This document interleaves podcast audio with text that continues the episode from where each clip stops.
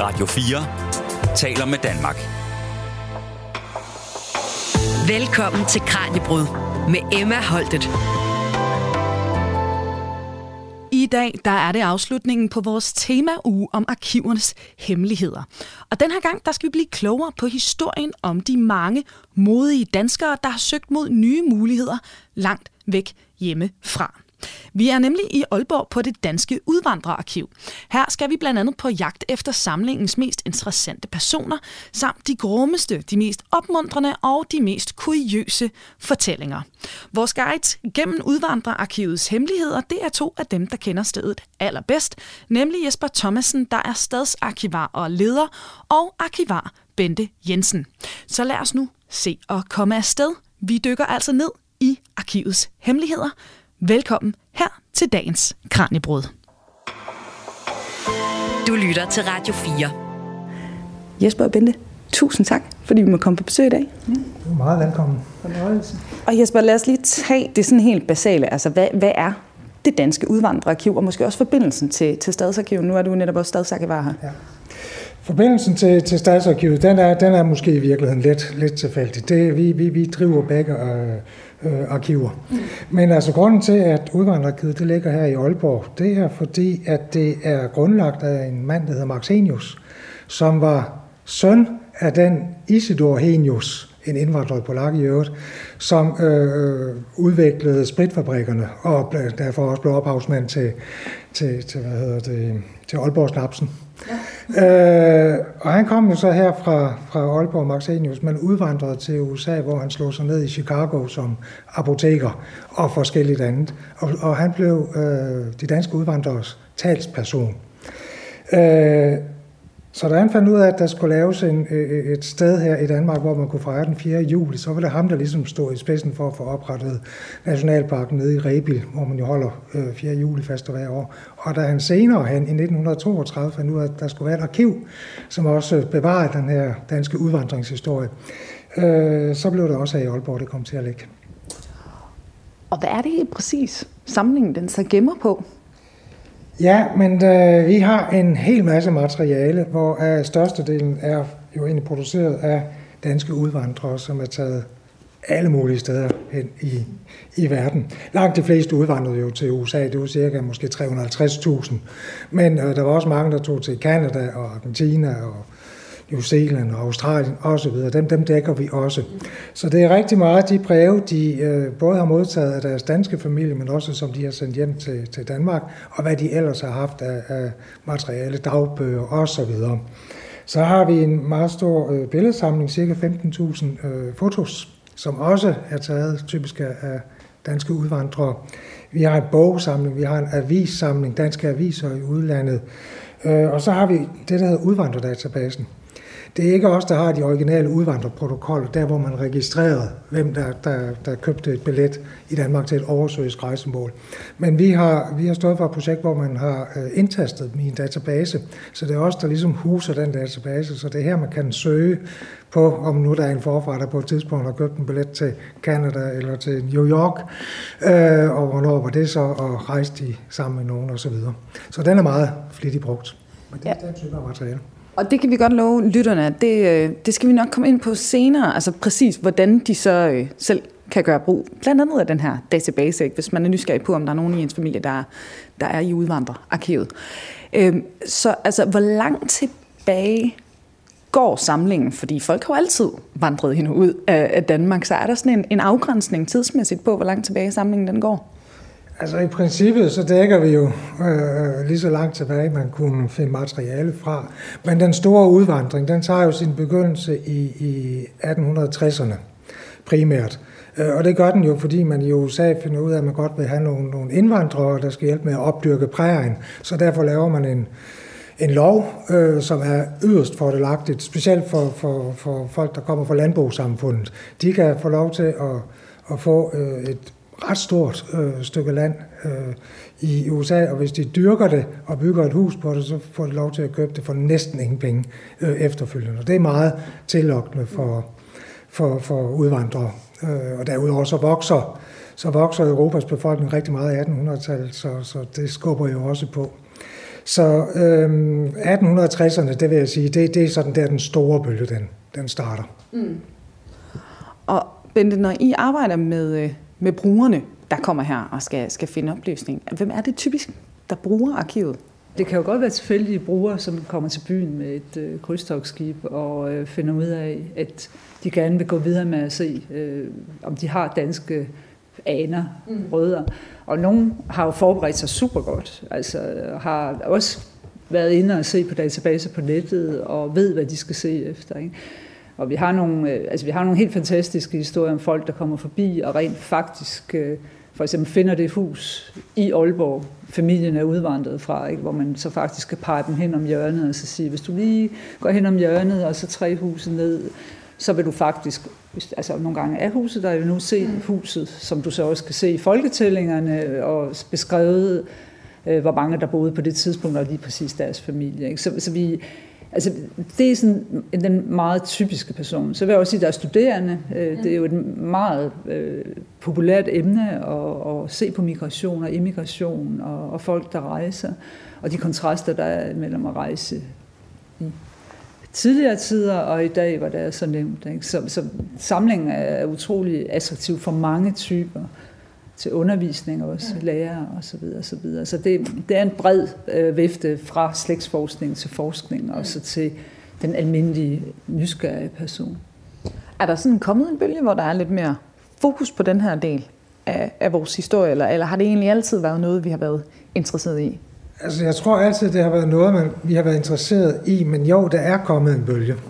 Øh, og, og det er måske også vinklen øh, på det. Altså, vi, vi, vi kan jo mærke, at medierne for eksempel henvender sig ja. temmelig ofte. Kommer på besøg lige pludselig. Ja, og, og det hænger jo nok lidt sammen med, at, at, at verdens befolkning flytter sig jo i, i, og har gjort det i, i nogle år jo ikke. Altså, der er jo meget indvandring og udvandring mm. stadigvæk, og, og jeg tror, at der er mange, der, der egentlig tænker lidt på, jamen, hvordan er vi egentlig selv som, som et udvandrerfolk? Øh, øh, var vi så meget anderledes øh, end de andre, og, og det kunne man godt tænke sig at få belyst og prøve at lave nogle sammenligninger. Og det er jo altid super spændende at lave sammenligninger. Nogle gange er det også svært, mm. fordi at, at vilkårene i dag er jo helt anderledes end vilkårene var i midten af 1800-tallet, så der skal man lige huske at tage højde for øh, de forskelle, der er. Men der er jo også, der er jo også ligheder. Altså for eksempel det der med, hvordan holder man forbindelsen til hjemlandet, hvordan tager man sin kultur med sig, hvornår forsvinder den igen, mm. og så videre. Men det kan vi godt mærke, at det er der stor interesse for. Du lytter til Radio 4. Og jeg tænker, at vi skal til at dykke ned i, øh, i samlingen nu, sådan i, de, øh, i de guldkorn, I har valgt ud. Og jeg er også lidt interesseret i, hvad I hver især så har valgt, og, og hvor forskelligt det er. Hvis vi starter med samlingens mest interessante person, Jesper, nu kan jeg se, nu sidder du med nogle billeder fremme. Ja, jeg har, jeg har fundet Hvad har du valgt? Jamen, jeg har valgt en, der hedder Gene Household. Jeg tror ikke, der er så mange, der, der kender ham i dag, når jeg er ude og holde foredrag og sådan, så er der i hvert fald mange, der siger, hvem er det? Men faktisk så var han øh, nok den, den, den største danske skuespiller i, i, i Hollywood der i starten af 1900-tallet, okay. og, og altså vidt, vidt berømt. Det er ham, du ser til venstre for Stavning her på det her billede her. Øh, og Gene, han er, han er spændende. Altså udover at han var en berømt skuespiller, som medvirkede i over 400 film, øh, så er han også spændende, fordi han var sådan et samlingspunkt for betydelige danske øh, udvandrere, specielt inden for kulturverdenen. Øhm, og han sad jo i USA som sådan en, en æderkop og havde trådet ud til dem alle sammen. Og sørgede øvrigt for, at de alle sammen øh, afleverede et eller andet materiale til udvandrerarkivet, for det var han også engageret okay, i, Rebofesterne ja. og så videre. Men øh, producerede også et lidt enormt arkiv, som vi har her på stedet, hvor, hvor der er korrespondence med, med alle mulige. Vi kan se på det andet billede her, der er ved siden af, der står Gene og hans kone, øh, ved siden af William S. Knudsen, som var ham, der er kendt som The One Dollar Man. Øhm, han, blev, han, han var ansat ved Ford og havde en, en, en fremtrædende stilling der, og under 2. verdenskrig, der blev han sat i spidsen for den amerikanske krigsproduktion. Øh, og han sagde, det ville han da sådan set gerne, men han ville ikke have noget løn for det, så han endte med at få one dollar okay. i, i, i, i salær. Og han satte, altså det var ham, der, der, der satte det hele på skinner og sørgede for, at de kunne forsyne hele Europa med, med krigsmaterialer osv. Så, videre. så han er jo en betydelig person. På den anden side ved samme bord, der sidder operasangeren Laurits Melchior, som der nok måske er nogle unge mennesker, der ikke kender, men, men ældre mennesker vil i hvert fald kende ham. Han er jo tidens største, verdens største fortolker af, af Wagner-operaer. Ah. Altså Wagner, han var en kæmpe øh, operasanger. I øvrigt en, en, en sjov figur.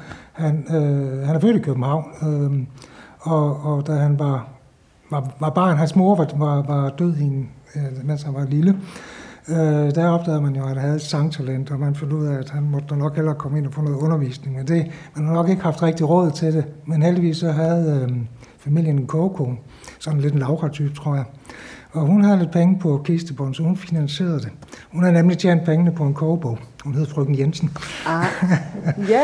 så hun fik uh, sendt ham ud og fik lidt uddannelse. Uh, og så tog han så selvfølgelig, det var Wagner så han tog selvfølgelig til Tyskland og blev så berømt, at han kunne købe et gods nede ved Berlin. Men det solgte han i, jeg tror det var 38 eller 39, og så emigrerede han til USA og var egentlig derovre resten af tiden. Og sang på, hvad hedder det, The Mets og, og, og, og så videre, ikke? Så det var, han var virkelig en, en kendt person, og det er meget typisk for, for Gene der, at han er, han er simpelthen den, der har kontakt til dem alle sammen. Så han sidder der og ja. er, er kingpin på en eller anden måde i, i det der danske miljø? Det er han, ja. Øh, og vi er vældig glade for ham, fordi han jo netop har, har skrabet rigtig meget materiale ind til arkivet her. Men han har også selv en, en lidt skæg historie, fordi at, hvis du kan se heroppe, så er der sådan lidt et tekstafsnit her. Det er faktisk et lille uddrag af det, der hedder udvandrerprotokollen.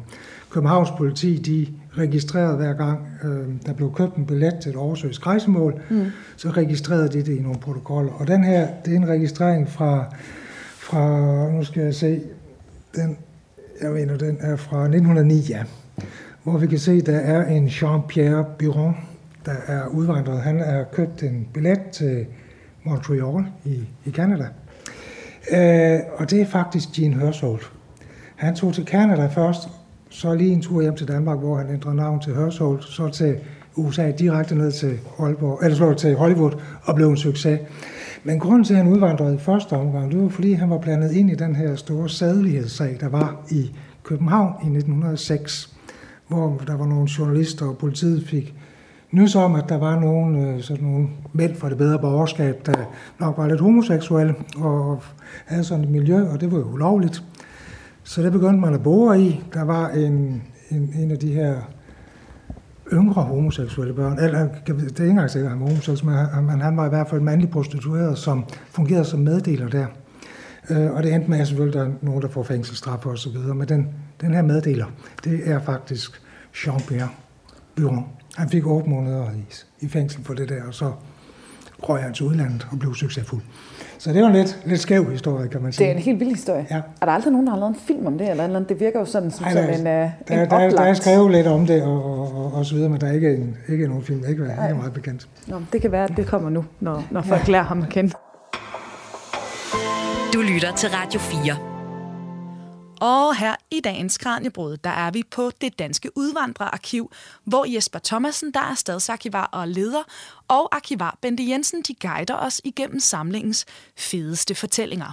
Nu er det blevet Bentes tur til at berette om lige netop den person i arkivet, som hun altså synes er den allermest spændende. Radio 4 taler med Danmark. Jamen, jeg har jo valgt en kvinde, selvfølgelig. Vi skulle lige balancere samlingerne. Nå, men, og jeg er inspireret af en af faktisk vores seneste afleveringer, øh, også for at vise dig, altså hvad er det, vi får, mm, altså når man kommer ind. Og hun hedder Ebba Trump, er født i 1885 og øh, døde i 1963. Og øh, hun er spændende, øh, fordi at øh, hun er sådan det, der kalder en jojo, en, eller udvandrer. Og det vil sige, at øh, altså flere, det, som Jesper har snakket om, det er det her, man øh, udvandrer, altså man er født i Danmark, udvandrer til USA, og, og den der klassiske udvandring, og lever resten af livet der. Det er den der klassiske øh, udvandringsskabende. Men når vi kommer længere op i tid, så... Øh, jamen så rejser folk jo faktisk rundt, som vi også kender i dag. Øh, og her har vi en skæbne, som, øh, har, altså, som farvet af historien og krige og revolutioner, sådan set har boet i flere lande. Øh, og Ebbas arkiv, vi har en del af det her, som lige er blevet afleveret, består sådan klassisk af breve, udklip, øh, billeder, mm. som så vi registrerer, ikke? og som så øh, giver mulighed for folk, der så vil fordybe sig yderligere i det, og så sætte historien sammen. Men altså, men hendes øh, livshistorie i øh, grove træk er, at øh, hun er dansker, øh, er, er har en, øh, en øh, baggrund, som er adelig. Øh, hendes far var von Holstein Rathav, øh, var, havde kontakt til, eller var tysker, og øh, hun havde en opvækst i Værløse, og, og siden flyttede familien ind til, til Frederiksberg. Så altså, vi er i Københavns mm. Øh, efter øh, skolegangen, så begynder hun øh, at læse musik. Så man kan sige, det er hendes første udenlandsrejse. Hun tager til Berlin øh, i 1908 og øh, også studerer musik. Tager tilbage til København og ender så i, øh, i 1911 med at blive gift med Henrik Bækstøft, som er svensker. Og han er spændende, fordi han er nemlig også berejst, øh, og han er øh, importør af kontorartikler, materialer, regnemaskiner, skrivemaskiner, som var en stor ting. Og, øh, og familien ender så med at, at tage til, til Letland, til Riga. Så det vil sige, at hun gifter sig i 1911, tager med sin mand øh, til Riga og, og, og bor øh, der. Og senere får han så job i det dansk-russiske øh, handelskompani, og de flytter til St. Petersborg. Og så begynder vi jo at nærme os en revolution, fordi de bliver der faktisk okay. øh, omkring 1917. Og øh, bor i St. Petersborg, må, øh, da kampene kommer, flytte lidt ud i udkanten af byen. Og, øh, og hun ender med at tage tilbage til, til Danmark med deres datter i, i 1918. Så hun tager altså et sving omkring Letland, Rusland, tilbage til Danmark, og bliver så skilt og, øh, og står så med sin datter. Og hvad gør man så som kvinde? En af de ting, man kan gøre, det er noget, som du gør lige nu, det er, at man kan skrive. Mm. Bliver journalist og skriver øh, til øh, forskellige aviser og, og, og dameblade og så videre, så videre. Ja, det gør hun, og øh, i øh, 1939 øh, bestemmer hun sig så for at, at udvandre til USA. Og der kan man så sige, ikke, og det er jo også, og der har vi jo flere skæbner i udvandrerarkivet, du siger, ikke, altså som sådan set bliver fanget af 2. verdenskrig. Så hun udvandrer øh, og tager ud faktisk for at blive musiklærer, altså går tilbage til noget af det, hun havde lavet før i Maine mm. hos en familie. Øh, hun bliver ret hurtigt gift så igen i USA, det bliver hun så to gange.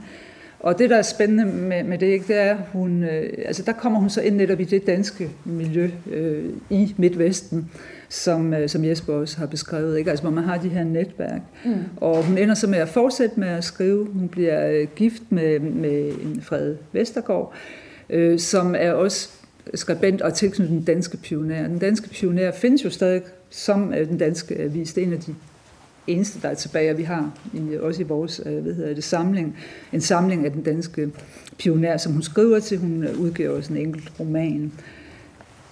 Han dør, og hun bliver så gift en gang til i, øh, i USA, men bliver stadig i Nebraska, Minnesota, Wisconsin, mm. hvor, i de her netværk, også omkring højskolerne, de danske skoler.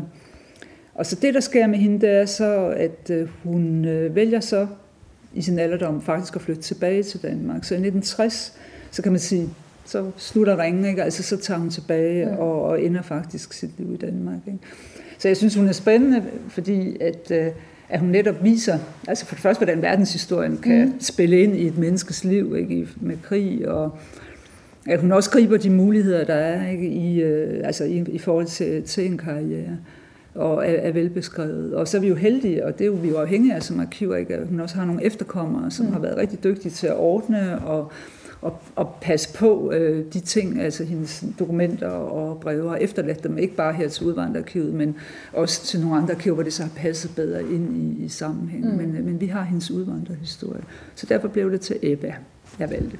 Ja, og, og, og i forhold til, øh, nu snakker vi lidt om de mm. der danske områder, ikke, som jo. hun så også begår ja. sig i. Ja. Altså, hvor danske har de været dengang? Har de gået og talt dansk, eller har det stadig været, altså har det været på, på amerikansk, og så øh, har det danske sådan ligget lidt i, i baggrunden på en eller anden måde? Jamen, det er jo altså. faktisk noget af det, at udvandrerkivet også er blevet brugt til, altså at, at lave altså sådan nogle øh, sprogforskning, ikke? fordi ja. du kan jo se i, i nogle af de lange brevserier, vi har. Ikke? Altså, der kan man jo se, hvordan øh, sproget forandrer sig øh, fra, man jo tager, altså skriver rent dansk, ikke? Mm. og så sniger der sig efterhånden enkelte amerikanske ord ind, ikke? og så for mange, så ender det med at blive et blandingssprog. Ikke? Øh, der er også blevet foretaget nogle, øh, nogle interviews af, af ældre danskere i øh, det danske alderdomshjem i mm. Chicago, og hvornår er de? De er fra slutningen af 1900-tallet, ikke? Altså, mm. hvor, altså, hvor man jo også altså, kan følge, hvad det er for en type af dansker. Det vil jo ofte være det, vi ser, ikke? at det er altså en ældre type af dansk, end den man taler mm. i landet, ikke? fordi et sprog kommer ligesom til at tage stille, eller stå stille, og man, man tager låneord ind, og så videre, mm. og så videre. Ikke?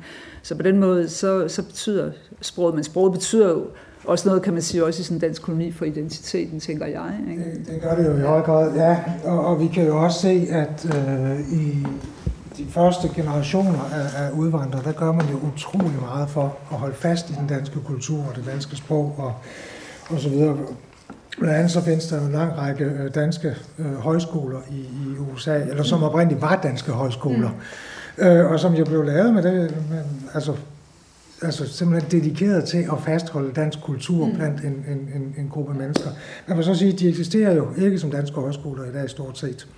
Jeg tror, der er en enkelt tilbage, tilbage der holder lidt, lidt sommerkurser eller sådan, men, men ellers så er de jo forsvundet. Det er jo nok også et udtryk for, at der er grænser for over, hvor mange generationer ja. man kan fastholde de her øh, Ja. Altså for eksempel sproget. Øh, så, så, øh, men, men det er da noget, som har betydet rigtig, rigtig meget for, for, for mange af udvandrerne. Mm. Man skal også lige tænke på, at, at mange af dem, som, som udvandrede, de, de kom jo fra landbrugssamfundet, eller de mm. var tjenestefolk. Altså det var, den, den almindelige udvandrer var en, der, der, der, der kom sådan fra de, de nedre dele af samfundet. Mm de har ikke kunnet sprog, de har ikke haft verdensudsyn helt så meget, så de har selvfølgelig været afhængige af at kunne bo sammen med og arbejde sammen med nogen, som, som de faktisk kendte at forstå. Så det, det har jo også været en grund til at, at ligesom holde fast i de her ting, ja. at bosætte sig samme sted. Ja. Så det var, det var Ebba og John. Sean. Og øh, nu skal vi til det, det næste sådan store spørgsmål. Mm. En historie, der er fundet i arkivet, som har overrasket jer allermest det er jeg altså også lidt spændt på at høre. Skal vi bare tage det i samme rækkefølge, Jesper, hvis ja, vi så starter med dig? Godt. Altså min er, er måske virkelig slet ikke så overrasket, men, måske blev jeg bare lidt overrasket. Ja. og det er faktisk en forlængelse af det, vi lige, uh, lige talte om. Altså det her med, at man, man, man så altså virkelig organiseret og systematisk øh, vil prøve at grundlægge danske kolonier i, at nu, nu er det særligt USA og Canada, jeg er mm. i. Øhm, det, det, det synes jeg egentlig var, var, var meget overraskende. Øhm, en, øh, jeg sidder her med, med et fotoalbum. Mm. Kæmpe fotoalbum? Ja, et kæmpe fotoalbum. Ja, der hedder Den Danske Nybyg Dalum i Alberta, Canada.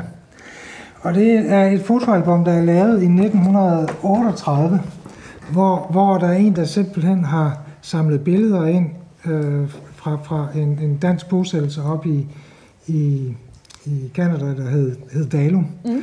En bosættelse, som blev lavet i 1917. Han har samlet billeder ind, og så har han jo taget en masse billeder selv. Sådan, så man har fået hele den her by, der ligger midt ude på prærien, øh, øh, beskrevet. Han har også skrevet små tekststykker, der ja. fortæller om det. Vi har øh, billeder her først af alle de gårde og bosættelser, der er i, i, i hele området, med navn på hvem der bor der. Her har vi, det er Sørensens gård, mm. og her har vi Petersens gård, og så videre.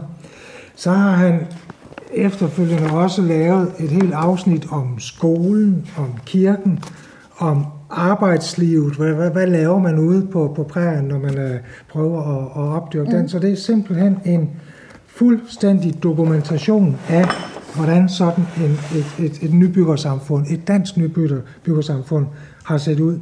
Og nu ligger det her i Canada, men det kunne lige så godt have ligget i USA. Da det blev grundlagt i 1917, der er det faktisk med udgangspunkt i øh, øh, en bevægelse i, øh, i USA, der hedder Dansk Folkesamfund, som er grundlagt af, Øh, af pastor F.L. Grundtvig, som er søn af, af vores mm. biskop Grundtvig, som også blev sådan en, en fremtrædende figur i USA.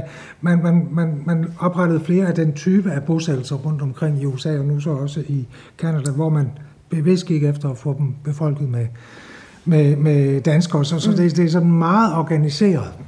Man kan sige, nu er det her, det var på falderæbet, at de fik taget billederne her i 1938. Fra, fra 1917 til 38 var der faktisk stor krise i landbruget øh, mm. i det her område her, så, så de havde rigtig dårlige vilkår. Og da vi nåede frem til 1938, der er der faktisk stort set alle danskerne, de har solgt deres jordlodder og er væk. Ja. Men øh, krisen blev overvundet i 1938, så derfor så eksisterer det altså stadigvæk, men uden at der er danskere derovre nu. Jeg vil lige se, om jeg kunne finde et billede af kirken. Og det har det ikke lige her ved, ved hånden, men det, den er jo opført helt ligesom en dansk, ja. en dansk øh, landsbykirke, så man selvfølgelig bare bygget i, i træ, men sådan en, en hvid kirke, du ved, med, med, med tårn og det hele. Det er sjovt at se de der billeder også. De sidder ja. og spiller fodbold, der sidder i markerne og sådan noget. Altså, hvis det ikke var, fordi baggrunden var anderledes, man godt kan se, det er et lidt andet landskab, ikke? Og, og nogle andre slags huse, så er det godt nok meget dansk at se på. Ja, det er det jo. Ja. Men, det, men det er jo landbrugssamfundet, ja, ja. Og, og, og langt de fleste udvandrere kommer jo i virkeligheden fra ja. landbrugssamfundet. Øhm, så, så det var også det, de gik efter, da de kom til, til USA. Men jeg synes, det er, det er fantastisk, at, at vi har den her type af, af billeder, fordi det, jeg tror, det er lettere at finde et billede af for eksempel Jean Hørsholt, mm. end det er at finde en ganske almindelig, almindelig. nybygger ja. ude på, ja. på, på landet. Fantastisk. Øhm, og de er danskere, så det er en, en hvad vil sige, helt autentisk dokumentation af et nybyggersamfund. Ja. Det er virkelig et, det, det, det her det er guld værd at sige. Ja, ja, også fedt det her. Nu fejrer de jul her, kan man se, og der er både en banner, hvor der står glædelig jul, og så er der også lige Merry Christmas bagved, ikke? Ja. så man lige har begge sprog. Ja, det er jo sjovt nok, fordi altså, der har vi jo den der måde, tingene transformerer, transformerer sig på lige så langsomt. Ikke? Ja. Jo, jo, fantastisk. Ja, Bente, hvad har, hvad har du fundet? Jamen, øh, jeg har valgt, øh, nu skal vi til Australien og New Zealand, for jeg synes også, vi skal vise, at samlingen rummer jo, altså der er meget, altså meget materiale for USA, men, men samlingen dækker også andet, og øh, faktisk så er der jo relativt en relativt stor gruppe af udvandrere i forhold til Danmarks størrelse, som tog til Danmarks antipode, mm. altså så langt som man overhovedet kan komme væk, nemlig til New Zealand. Og øh, jamen, en af mine yndlings øh, hvad hedder det, arkiver her, det er en øh, kunstfotograf, øh, som øh, hed Nils Peter Skor. Nu sidder jeg lige og klikker, fordi jeg har ikke taget samlingerne ind. Nå, men Nils Peter Skor øh, var, jeg blev født i 1838, og udvandrede, da han var 24 år til, til Australien.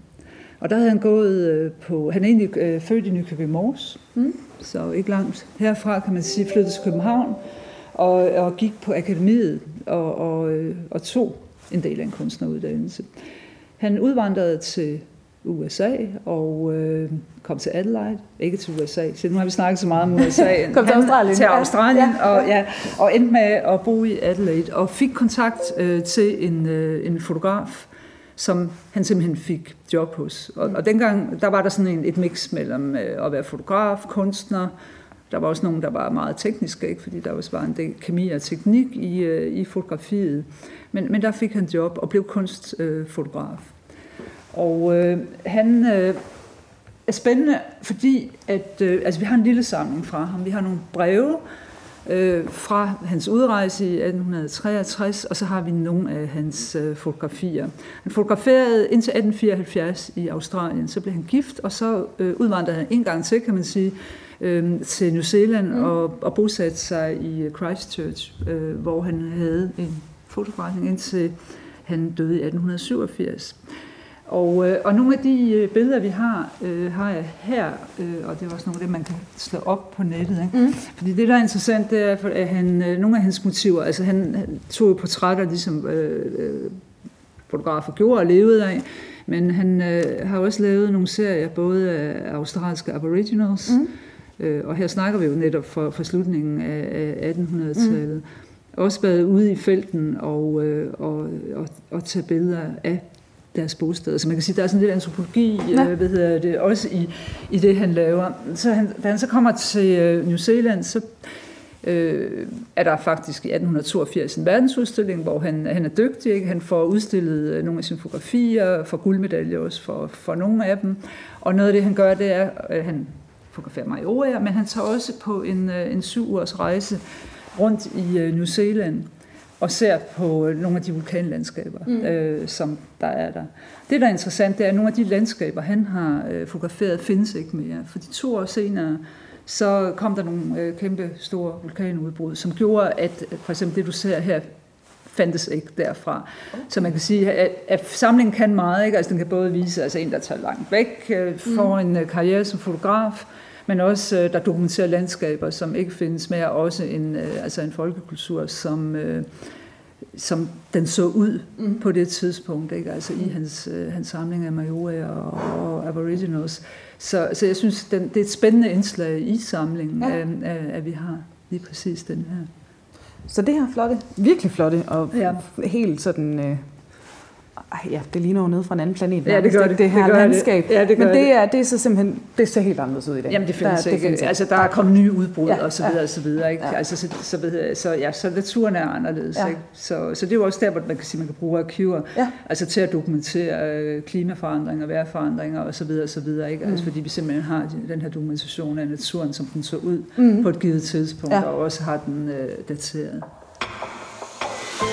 Du lytter til Radio 4. Du lytter til Kranjebrud, dit daglige videnskabsprogram, hvor vi i dag er ude på vores sidste rejse i den her temauge om arkivernes hemmeligheder. Vores guides i dag, det er Jesper Thomasen, der er stadsarkivar og leder på Udvandrerarkivet, og arkivar Bente Jensen. Radio 4 taler med Danmark. Og nu skal vi til, til næste punkt. Øh, den grummeste fortælling, som det danske udvandrerarkiv det, det gemmer på. og Jesper, så hopper jeg hen til dig igen. Hvad, har- hvad har du valgt der? Jamen, altså, man, man kunne i virkeligheden sikkert vælge rigtig mange historier, for jeg tror, der var mange, der tog, øh, tog afsted mm. øh, og blev slemt skuffet, når de, når, når de kom frem. Øh, og vi har også historier om, om nogen, der gik så galt, at, at, at de endte med at tage deres eget liv jo, og, og gik helt nedenom og hjem. Men den historie, jeg har taget med her, det er en historie om en skibsforlis. Sådan lidt Titanic-agtig i virkeligheden. Det er et dansk udvandrerskib, der hedder SS Norge, som i 1904 øh, forliste midt ude i Atlanten, øh, eller faktisk lige præcis mellem Island og Irland, øh, hvor der ligger en, en, en klippeformation ret meget under vandet, men der er også lidt af den, kan du se på billedet her, der, Ja. der stikker op over vandet. Man kan lige se, der er en, Yes. yes. en endespids der. Og det her skib her, det sejlede simpelthen i 1904 på den her øh, sten her, øh, og gik ned med mand og mus. Og jeg har her en, en optegnelse over, hvem der var med på skibet, øh, og hvor mange der blev reddet. Der var i alt 762 ombord på skibet, og af dem var, der var der 169, der blev reddet, det vil sige cirka 22 procent. Mm. Så omkring en, en 80 procent, de, de druknede altså. Og det, altså der, der, der er flere forfærdelige ting med, med, med den her historie. Altså en af dem er jo overhovedet, at det var så farligt mm. at sejle over øh, Atlanten. Øh, man kunne faktisk dø af det. Øh, det er jo frygteligt i sig selv. Men der er også, hvis du, hvis du kigger lidt på den her opgørelse her, så kan vi se, at der var øh, 257 børn ombord, 256 kvinder. Så var der 181 mænd og 88, eller 68 besætningsmedlemmer. Af mændene og besætningen, der var der henholdsvis 51 og 36 procent, der blev reddet.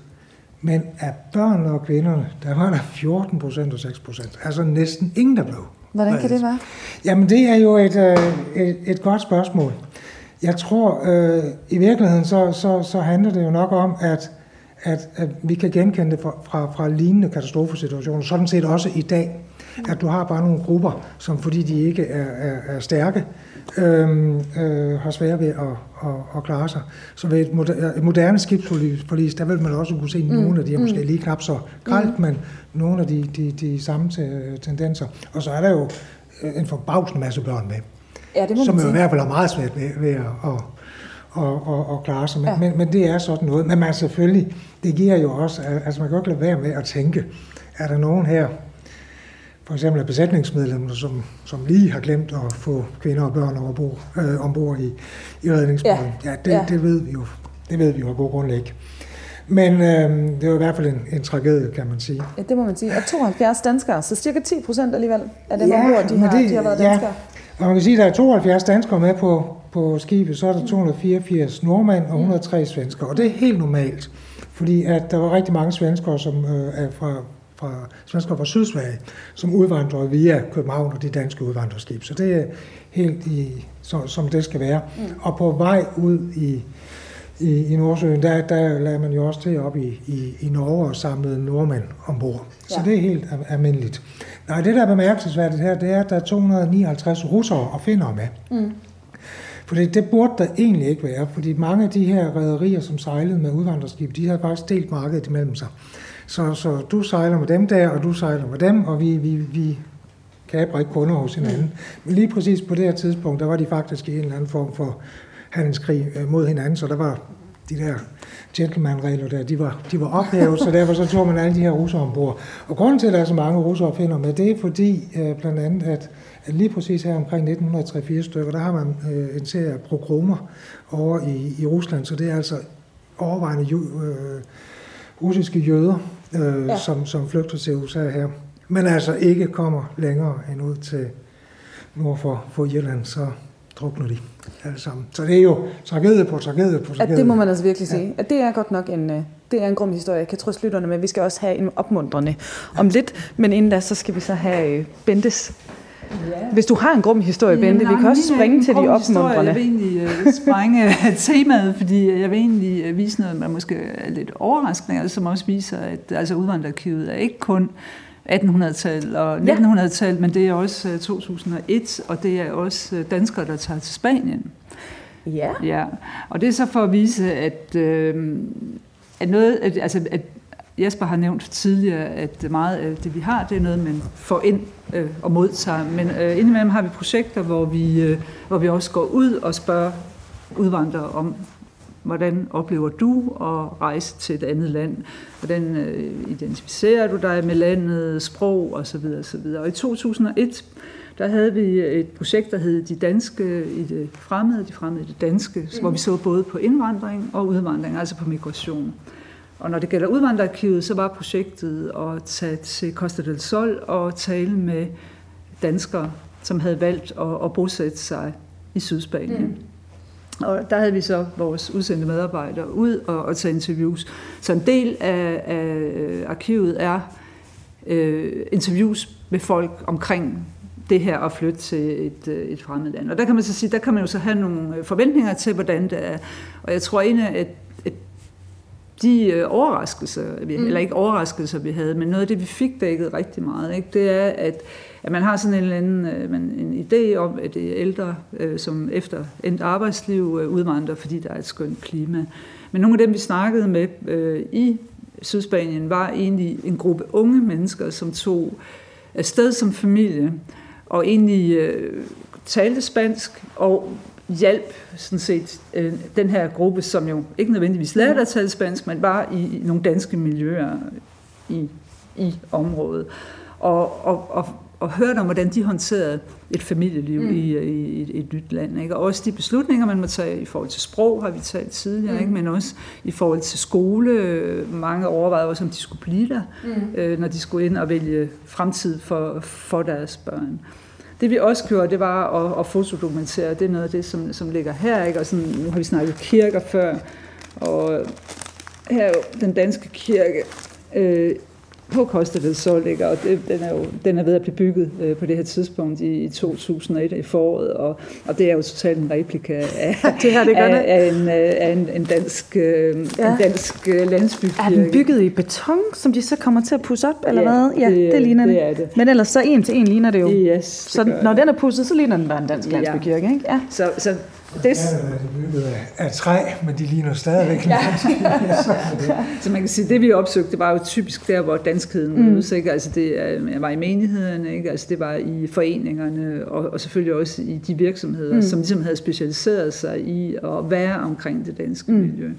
Så den har vi taget med ikke som overraskelse, men også som ligesom for at vise, ikke, at, øh, at den her historie udvikler sig hele ja. tiden. Ikke? Og, og, og, hvad hedder, og det her er altså også en udvandring, øh, som, er, som er super spændende at se på, også i forhold til identitet ja. og alle de andre ting, som, øh, som vi har talt om før. Mm.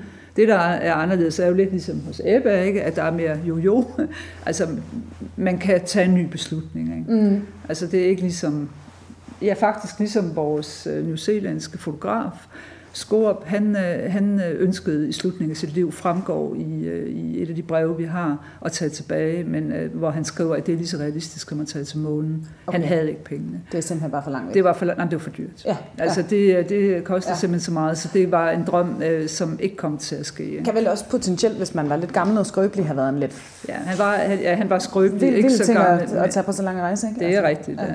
Men, men helt klart, økonomien satte ja. simpelthen grænser, ikke? hvor man kan sige, at det her jo på nogle måder oplevede vi, at selvfølgelig mm. kommer man på en eller anden måde til at, at blive på stedet, mm. Men, men, men der er en mulighed for at vende ja. tilbage. Det er ikke øh, ja. en beslutning for altid. Du lytter til Radio 4. Og til nye lyttere, der er kommet til undervejs. Her i Kranjebrud, dit daglige videnskabsprogram, der er vi på det danske udvandrerarkiv i Aalborg, hvor stadsarkivar og leder Jesper Thomasen og arkivar Bente Jensen giver os et unikt indblik i samlingens vilde skæbner og fantastiske fortællinger. Og vi nærmer os så småt slutningen her på dagens afsnit, men til sidst der skal vi lige høre om en af arkivets helt store succeshistorier. Radio 4 taler med Danmark. Og jeg har et, øh, jeg har et billede her, øh, som du kan, jo, du kan jo selv prøve at beskrive, hvad du, hvad du ser på det. E, ja. Bageri står der i Minneapolis 1923. Equist Brothers and Employees står der. Jeg tror, vi kan, vi kan også med at konstatere, at det er stort, er det ikke? Der står, jamen jeg ved ikke, jeg kan ikke engang, nu skal man jo gange, men virkelig, virkelig, virkelig, virkelig, virkelig mange bager på ræd og række i fin øh, hvid bageruniform med, med hatte og det hele på. Det er godt nok et kæmpe foretagende, det der, Ja, var. det er der, ja. Der var over 200 ansatte øh, i det her bageri her i Minneapolis, og det er, det er sådan en, en, en dansk udvandrersucceshistorie, som ja. der jo findes, findes flere af selvfølgelig. Øh, det er en person, Valdemar Egeqvist, øh, fra Torv på ved Odense, som var udlært bager i Danmark. Han udvandrede til USA i 1904. Og så fik han arbejde øh, som bager i et lille bageri. Øh, der fik han 15 dollars om ugen. Men han kunne, øh, han kunne købe det, eller købe et af, et af bagerierne derovre for 375 dollar. Så han sparede lidt op, og, og så lånte han i øvrigt også nogle penge til sine to brødre, og så købte han det her. Og så skabte han ellers den her succeshistorie sammen med den ene af sine, af sine brødre. Øh, med altså over 200 øh, ansatte, øh, og det eksisterede helt indtil 1990'erne, hvor det så blev opkøbt af et af de store amerikanske andre. Det amerikanske Hatting, eller hvad ved jeg. Ja, ja, ja. En, en stor bagerikæde. Men altså, det er, jo, det er jo virkelig en succes. Og det er jo, det jo sjovt, fordi at det, det er jo også de her billeder, som, som, som bliver sendt hjem til, til Danmark, for at vise, hvor godt det er i, i USA, og hvordan man kan, hvad man kan bedrive det til. Og kom bare over, så skal I se, det, det, det skal nok gå det hele. Det gør det jo ikke for alle, men for, for nogen gjorde det jo altså. Og det her, det er jo helt klart en sådan typisk succeshistorie. Du lytter til Radio 4. Og er der et eller andet helt vildt underligt eller sådan kuriøst, som I er faldet over i samlingen, som I tænker, det her, det skal vi altså også lige, uh, lige dele? Jamen, jeg tænker, der er en, der er en lille historie her, altså sådan super kuriøs er den jo ikke, men alligevel. Mm. Øh, altså, vi har jo de her præsidenthoveder nede i Black Hills, Mount Rushmore. Øh, og det er jo ikke alle, der ved, at de har faktisk en dansk forbindelse. Nå, okay. Øh, I slutningen, eller i midten af 1800-tallet faktisk, i 1840'erne, der er der en mand, Jens Møller Havgård Børglum, som kommer herop fra, fra Vendsyssel, op fra Børglumkanten en, en familie deroppe, mm. øh, som udvandrer til, til USA, øh, og det gør han sammen med mormonerne.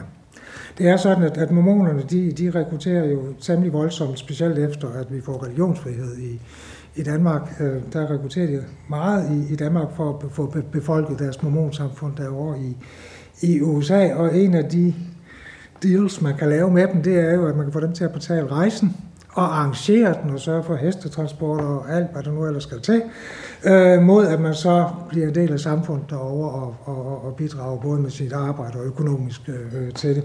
Så det gør ham her, Jens Møller.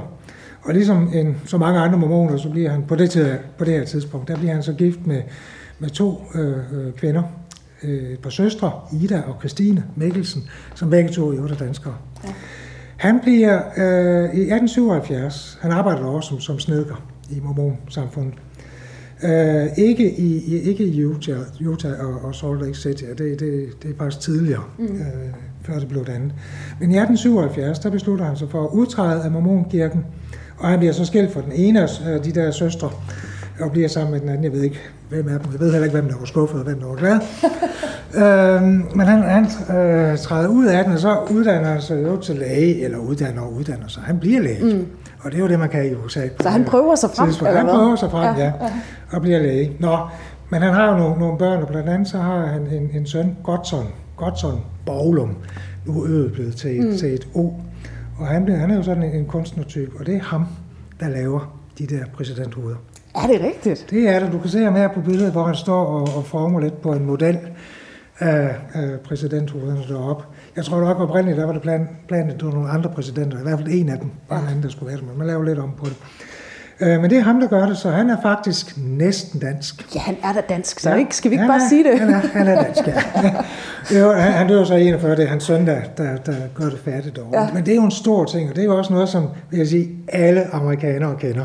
Så her er der jo virkelig en, der har fået sat sit, sit aftryk øh, i Amerika, og som har med, været med til at, at fastholde og skabe en, en, en amerikansk identitet. Ja. Men med dansk islet. det, så det, det synes jeg er jo en, en sjov og, og lidt skør historie.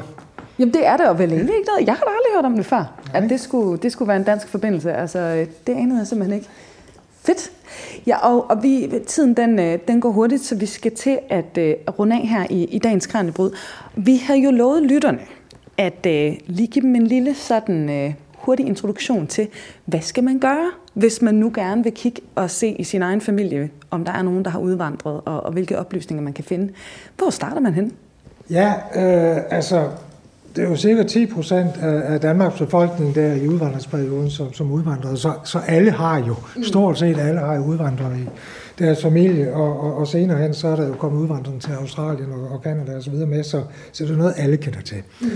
Øh, og jeg tror også, de fleste, de, de, de har historien derhjemme om, at der var en eller anden onkel eller en farbror eller et eller andet, som, som, som udvandrer. Men hvis man er interesseret i at få noget mere at vide om det, så kunne man jo starte med at gå ind på vores hjemmeside, hvor, hvor man jo blandt andet kan tilgå udvandrerdatabasen. Mm.